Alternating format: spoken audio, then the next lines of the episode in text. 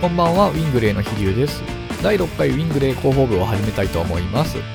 今回紹介するのは Xbox インディーズでリリースしました忍者リキャプチャーです。前作の忍者スニーキングの後のお話という感じなのですが、このソフトだけでもしっかりお話がわかるようになっております。今回のジャンルはアクション RPG になってます。敵を倒し、レベルを上げ、HP を強化したり、武器を買って装備することによって主人公を強くすることができます。ボスもいつもの作品よりかなり多くなっております。恒例のボスたちもしっかり登場していますのでお楽しみに。えーいつもと大きく違う点は、シューティングなどのようにエリアが一方通行ではなく、行ったり来たりができたりします。メニューのマップにヒントがいろいろ出てきますので、そのヒントを頼りにしながら、いろいろエリアを走り回ってみてください。あと、倒して打ち上がる敵にさらに追い打ちができるというシステムを作りました。追い打ちすることによって小判をさらに巻き上げるということができたりします。序盤特にお金が結構いるところがあるので、それを活用してレベルを上げつつ小判を稼いでみてください。中盤には登場したボスたちと再戦できる闘技場があったり、2人の忍者のどちらが勝つか賭けができる賭場を用意してあります。賭場はなかなかシンプルで面白くできたかなと思うので、ぜひやってみてください。なかなか連続で当てるのが難しかったりするので頑張ってみてください。えーこのゲームですが、追い打ちシステムを思いついて作ったわけですが、どういう経緯でできたかというと、2作前の、えースカイ忍者王の時に、倒されてゆっくり落ちてく時に追い打ちできたら面白いかなと思ってたのと、前作の忍者スニーキングの時にドアありましたよね。あの、刀で破壊してバーンと飛び散るドア。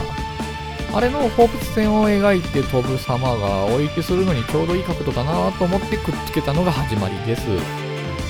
最終的に小判を巻き散らすという案もくっついてあのような形になりました。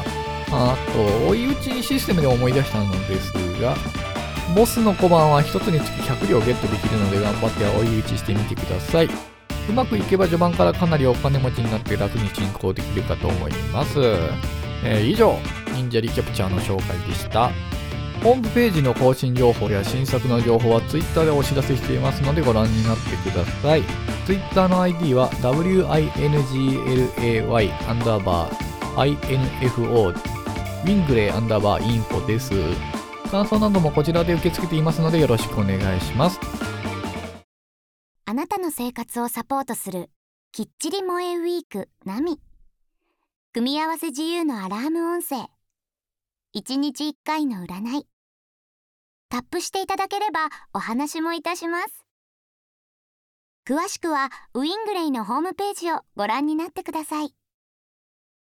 お使いしている私ナミがきっちり管理させていただきます。それでは今回の裏話のコーナーに行ってみたいと思います。まあ今回は裏話というよりは今後の活動の内容になります。えー来年1月に Xbox インディーズで忍者スニーキング2をリリースしたいと思ってます。システムが前作と少し変わっているのでプレイしやすくなってるかと思います。通常のステージ3つあるんですが、それプラスおまけでカオスステージというのを作りました。名前の通りかなりヤバいステージに仕上がっているのでお楽しみに。次に iPhone アプリについてですが、プログラムをやってくださる方が見つかったので、以前から保留になっていた円周率を女の子が喋るというアプリを作っていたのですが、先月 Apple の審査でリジェクトされてしまいました。来月あたり改良版を審査に出せると思いますので、続報をお待ちください。あと、このアプリについてですが、Android 版も同時にリリースできるかと思いますので、お楽しみに。来年は頑張ってアプリに力を入れていこうかと思っております。最後になりますが、実は、ボーカルアルバムを現在制作しております。来年3月発売を予定しておりますが、詳細はまた徐々にホームページやこの番組で報告していきたいと思います。というわけで、今回の広報部はここまでとなります。これで今年の放送は最後になりますが、また来年もウィングレイをよろしくお願いいたします。それでは、良いお年を。